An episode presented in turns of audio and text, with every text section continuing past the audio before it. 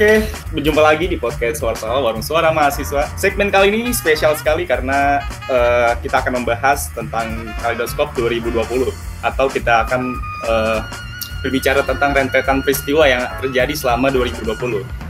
Kita sudah ditemani oleh uh, dua orang yang tidak asing lagi karena uh, kalian sudah ada di podcast sebelumnya ya tentang COVID-19 juga ya, yang soal kontroversi itu.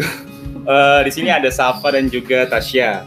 Halo Safa dan Tasya. Halo. Iya. Sehat semua ya? Alhamdulillah. Ya. sehat. Harus fit terus ya di akhir tahun ini. Iya. Iya. Pasti itu. Uh, uh. Oke sebelumnya sebelum gue bahas uh, Kaleidoskop 2020 nih gue pengen nanya dulu nih ke kalian berdua nih soal uh, aktivitas apa sih yang kalian sering lakukan selama 2020 ini selain kuliah secara daring atau online? Hmm, kegiatan yang aku lakukan selama ada apa eh, di rumah ini selain Iya. kuliah online itu kalau ada waktu luang pasti aku baca buku karena aku juga punya apa buku yang belum aku sempat baca dan aku tinggal-tinggal. Terus yang kedua kalau tiap pagi kadang suka ke pasar masak, pokoknya beres-beres rumah lah. Nah terus eh, nonton drakor juga biar gak stres. Itu pasti setiap hari jamnya aja yang harus dibagi. Terus eh, apa aku juga kan juga punya burung jadi aku suka main sama dia. Terakhir paling chat sama temen sih sekedar nanya-nanya aja atau cerita lucu-lucu gitu. Udah. Iya. Kalau nggak cerita tuh kayaknya nggak asik ya kalau Iya, nggak ada orang yang. uh, bener jadi intinya intinya tuh uh, kegiatan positif lah ya yang dikerjain Iya, ya selama khususnya pandemi selama pandemi ya. Bener apalagi juga kan sela- eh, selain kegiatan yang tadi aku sebutin itu aku juga ikut webinar juga apa Iya. eh, ya pokoknya sesibuk sibukin aja lah diri diri lu sendiri gitu jadi biar nggak ke bawah stres yang berkepanjangan apalagi Ah. di rumah terus kan jadinya hawa bosannya pasti wah mel- melandanya banget banget jadi ya bisa bisa bisain kita lah gitu Iya betul sekali. Oke kalau dari Tasya gimana nih kegiatan positif khususnya selama pandemi apa aja yang lo lakuin? Kalau aku sih kegiatan positifnya itu selain kuliah daring, Iya. aku juga karena mahasiswa semester akhir, aku juga eh, sambil-sambilan nyusun skripsi, sambil-sambilan apa namanya skripsi juga, sambil nyari-nyari pewawancara, wawancara juga untuk eh, skripsi aku karena memang insya Allah kan tahun depan tahun 2021 lulus, jadi harus nge- ngejar target tuh pasti harus selesai dari Hmm, dari apa namanya dari sekarang gitu nggak hanya skripsi aja tapi aku juga belajar masak gitu aku Oke. juga sering. Iya. aku juga sering belajar belajar masak nih apa namanya biar nanti kalau misalkan dan nikah Ciela dan nikah yang siapa tahu siapa tahu aja. Iya. iya. siapa tahu aja kan udah bisa masak itu. Yang ketiga aku punya aku salah satu punya skill terpendam yang itu. Dulu aku sering banget ngerajut.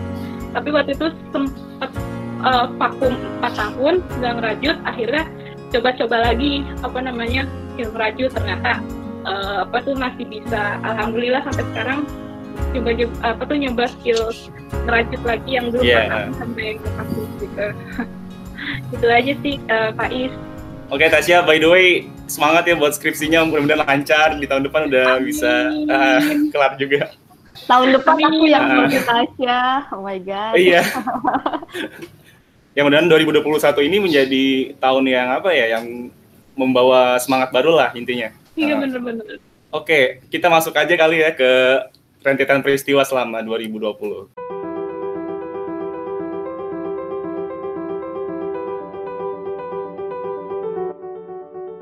Oke, Kita mulai dari bulan Januari.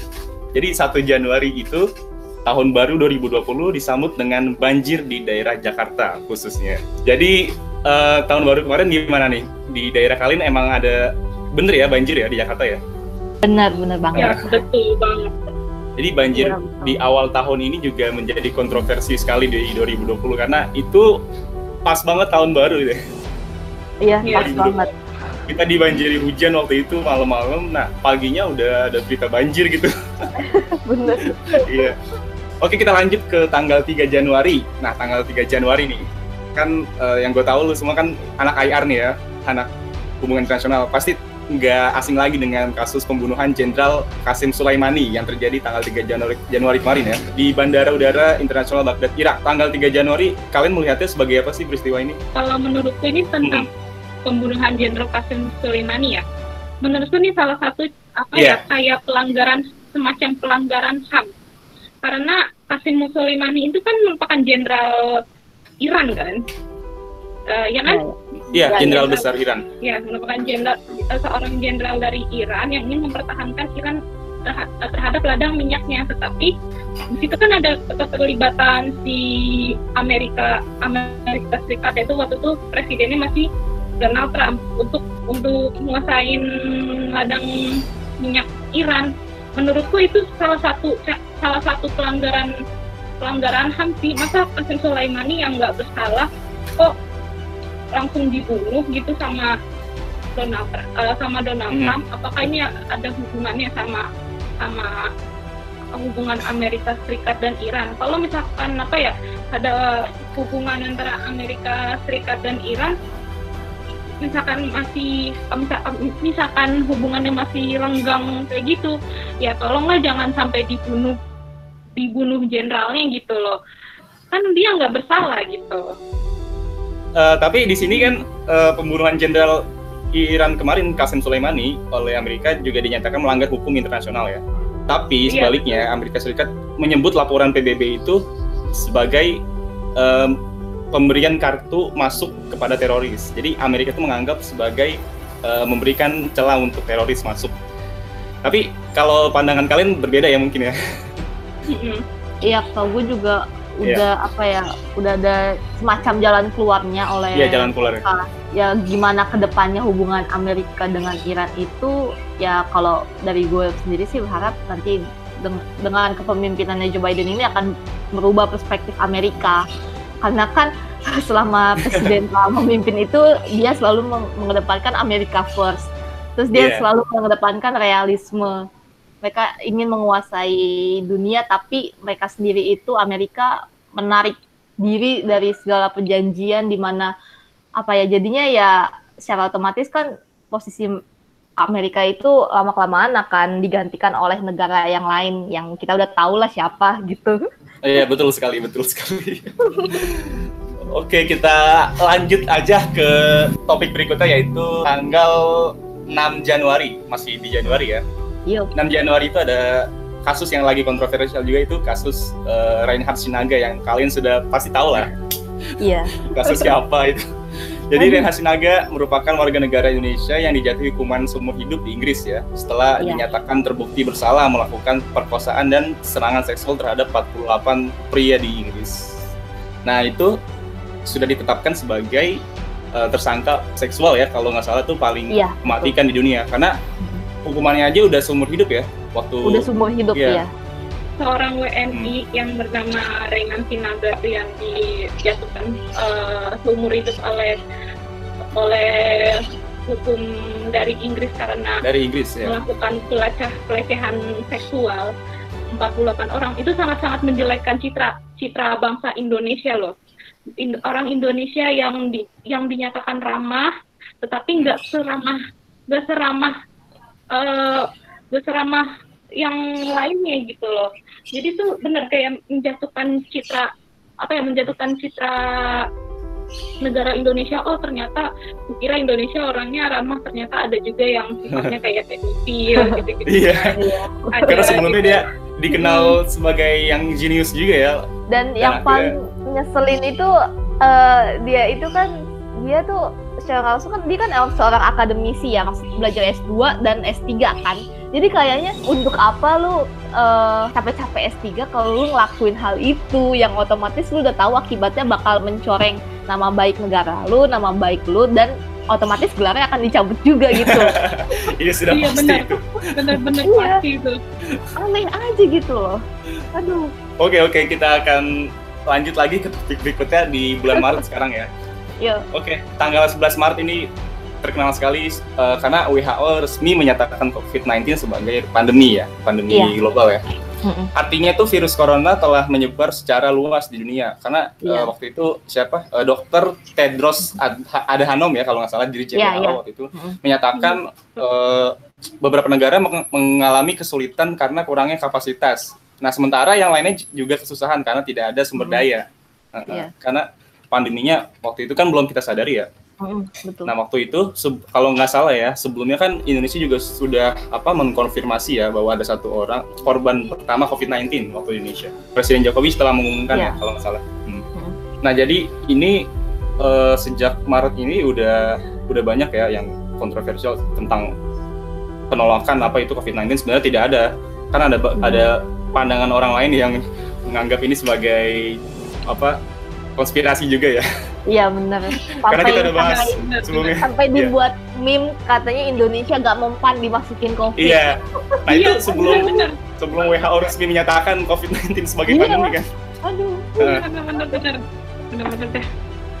Iya, bahkan sekarang bandara tahu kan berita terakhir yang kata apa tuh WNA itu ya, Iya, boleh masuk WNA lagi. ya. dilarang masuk Dilarang sampai masuk lagi. 14 Januari. Tanggal satu Januari. mulai tanggal 1 Januari. Sampai 14 Januari. Eh, eh. Tanpa terkecuali ya, karena ya mereka juga kalau yang sudah ada di apa di Indonesia itu harus dikarantina dulu kan ya. Iya betul. Iya. Harus protokol kesehatan sangat ketat sekali di bandara itu. Oke, Iya. eh, ya kalau kita bahas COVID-19 lebih lanjut mungkin panjang juga ya. Panjang Iya, karena sampai sekarang belum Iya, selesai. Iya, karena tahun ini penuh sekali dengan kejadian-kejadian seputar pandemi lah intinya. Mm-mm.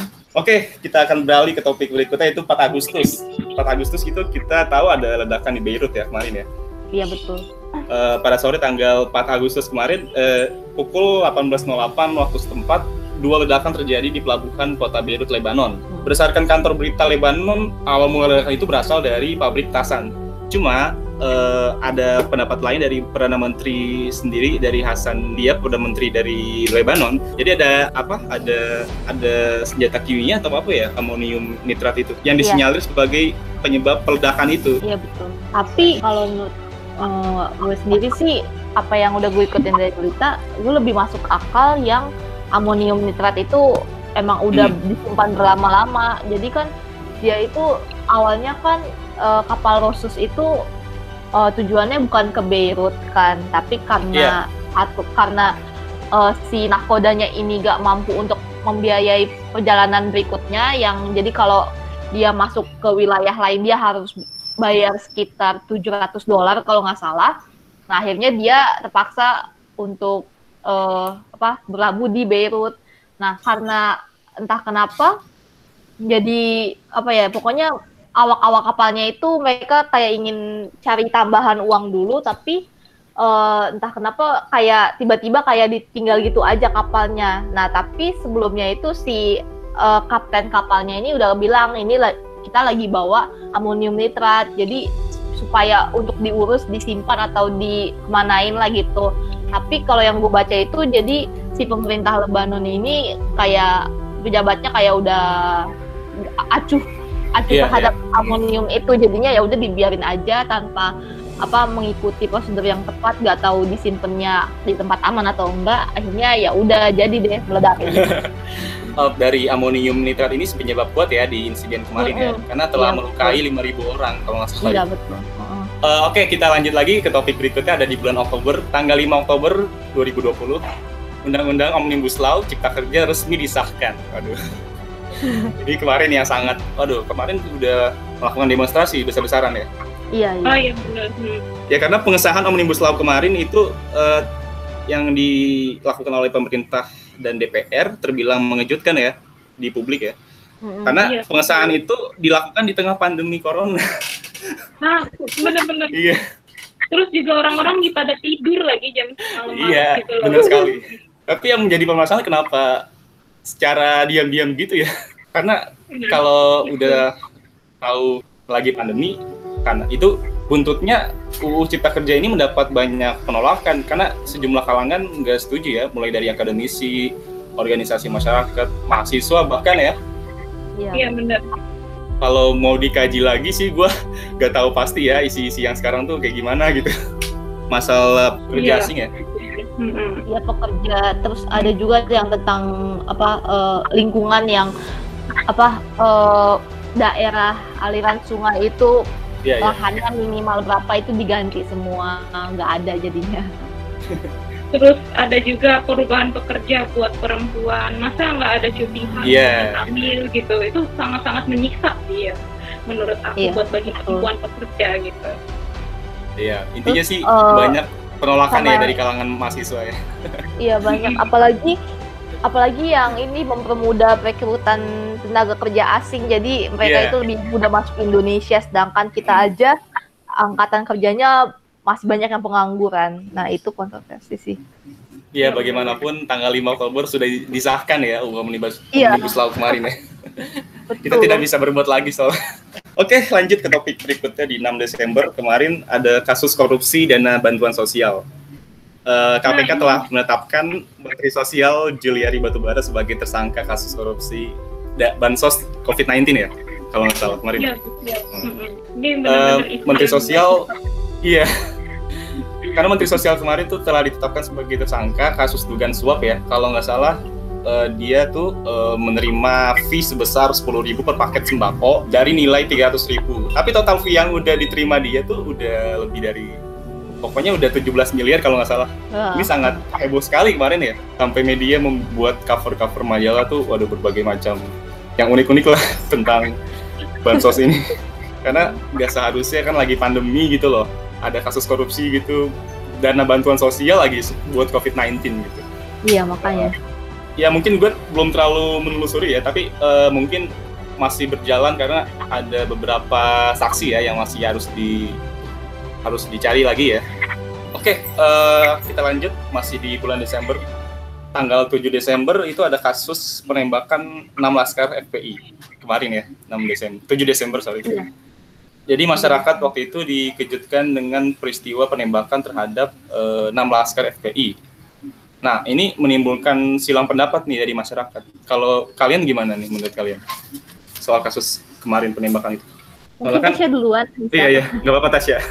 Ada perbedaan ini kan versi dari polisi dan juga eh, warga masyarakat dan FPI itu sendiri kan. Mungkin mereka saling mengklaim gitu ya. Ya bisa jadi sih kalau aku lihat dari kasus 6 uh, laskar FPI yang ditembak dari apa ya dari apa namanya FPI dan polisi juga apa namanya ya saling mengklaim bahwa FPI Iya. yang salah FPI yang salah. Padahal bukan gitu loh. Padahal bukan. Heeh. kalian nembak orang yang belum tentu mereka bersalah gitu. Belum tentu mereka katanya polisi. Ya katanya polisi tuh apa namanya eh, ada yang bawa alat senjata berapi padahal Mm. mah mana mungkin gitu loh. Iya, itu benar-benar sangat melanggar hak asasi manusia sih. Makanya sampai Komnas HAM Iya, terlibat bahkan terlibat ya. Mm, bahkan salah satu diplomat Jerman pun terlibat juga Nah iya, itu masalah kontroversial baru-baru kemarin ya. Yang iya benar apa eh, kedubes Jerman mengirim bukan mengirimkan sih kayak apa mendatangi markas ya mar- markas FPI Mm-mm. kemarin ya iya benar-benar Iya, itu iya. sama-sama ini banget sih kayaknya kayaknya isu enam laskar FPI bukan masuk ke Indonesia lagi mainan ke ranah Heeh. internasional takutnya negara kita tuh jelek jeleknya Iya. apa kasus iya ini takutnya gitu. masuk ke ranah internasional karena kemarin Iya. itu eh, yang disangka bahwa itu perwakilan dari kedubes Jerman itu ternyata bukan karena itu adalah agen rahasia dari Jerman justru Oh Iya, iya, bener. itu Yang masuk bahaya lagi sih. Wah, Iya lebih bahaya lagi justru Karena gini loh, eh, apa ya Indonesia sendiri kalau yang gue lihat di mata internasional itu kita jeleknya tuh di dalam isu penanganan HAM, mulai yang dari Papua, Timor Leste dan eh, cara penanganan apa ya Indonesia di dalam ASEAN yang men- menangani Rohingya itu juga masih dicap jelek sama internasional. Nah kalau ini masuk sampai ke ranah internasional itu makin memperburuk lagi. dan juga apa ya yang sebenarnya sih kalau yang gue pandang ini kita itu jeleknya itu masih memperdebatkan soal perbedaan sih makanya kayak lebih mud- lebih mudah terprovokasi masyarakatnya karena perbedaan itu Iya betul sekali. Oke, kita lanjut lagi ke topik masih di bulan Desember ya. Karena kita sudah masuk Desember ini. Iya, benar. Tanggal lima- li- dikit lagi New Year Iya iya. dua hari Oke, lagi tanggal- tahun 2020 Tanggal 15 kemarin itu ada pengumuman bahwa Joe Biden resmi menang secara Electoral College di Pilpres Amerika Serikat. Nah, dalam pidatonya Joe Biden mengatakan kehendak rakyat telah menang gitu. Tapi dalam sistem pilpres Amerika Serikat anggota Electoral College uh, sebenarnya uh, kemarin sempat menang juga ya diprediksi ya. Karena Electoral College uh, adalah salah satu sistem yang mencalonkan uh, kandidat itu oleh partai politik di negara bagian. Jadi ada perbedaan ya di Pilpres Amerika Serikat dengan Pilpres kita sebagai Indonesia Iya, di sini ya. beda. Soal kemenangan Joe Biden, apakah ada pendapat dari kalian gimana ke depannya eh, dengan pilihnya Joe Biden sebagai presiden Amerika Serikat ini? Dampaknya tuh ke dunia tuh gimana sih? K- kalau yang pasti sih dengan terpilihnya Joe Biden ini membuat dunia tenang. Dengan terpilihnya Joe Biden ini diharapkan sih Amerika akan kembali bergabung dengan perjanjian-perjanjian yang sempat ditarik oleh Trump dan membuka peluang lagi untuk bekerja sama secara multilateral dan ya pokoknya secara friendly lah diharapkan seperti itu nggak mengedepankan Amerika first tapi lebih mengedepankan negosiasi dan diplomasi yang terbuka dan hangat kepada seluruh negara dan memperbaiki hubungan-hubungan dengan negara yang konflik itu bisa jadi terjadi. Ya, benar sekali. Intinya ada perbedaan ya. Di harapannya itu dan juga salah satunya eh, harapan ke depan kita pengen banget dari, dari Presiden John Biden itu dapat memperbaiki hubungan Amerika Serikat dengan Cina yang awalnya itu sempat mengge- menggelegar. tuh. Mm. Terus salah satunya ialah eh, dulu kan Amerika Serikat sempat keluar dari Paris Agreement ya pada Iya, betul. Iya, iya betul sekali. Amerika tuh gabung lagi uh, di masanya John Biden ini dalam Paris Paris Agreement gitu. Karena Iya. emang isu perubahan iklim itu memang sangat penting untuk dibahas gitu. Iya betul. Apalagi kan di dalam skema UN itu kan UN itu sebagai apa ya donatur terbesar kan. Nah dia Iya, itu benar. mem- memainkan peran yang signifikan banget dalam segala perjanjian, apalagi Paris Agreement itu. Karena kan Iya, eh, pewujudan SDGs 2000 2030 itu kan membutuhkan komitmen yang kuat dengan Iya, seluruh dan negara. yang kuat juga. ya. Iya, dengan seluruh negara dan juga eh, komitmen itu kan nggak ditunjukin dengan hanya tanda tangan dan pengesahan saja, tapi juga eh, actionnya negara itu gimana dari komunitas-komunitasnya, bagaimana negara itu membuat kebijakan yang mendukung para NGO untuk melakukan perubahan. Nah itu kan dilihat dari situnya. Iya, dan pada akhirnya kita mengharapkan Joe Biden ke depannya harus lebih bagus ya untuk memimpin Amerika selama empat tahun ya. Iya. Oke, lanjut di topik terakhir nih. Kita eh, di- masih di bulan Desember. Tanggal 16 Desember, kemarin Jokowi resmi menggratiskan vaksin di Indonesia. Nah, hal ini disampaikan dalam keterangan pers kemarin yang gue tonton itu via YouTube ya, eh, di Sekretariat Presiden. Nah, kalau gue boleh tahu tuh, kan vaksin ada banyak jenisnya ya? Iya. dari mulai Biote atau Sinovac dan juga Sinopharm. Nah ini masing-masing ini apakah sama keunggulannya?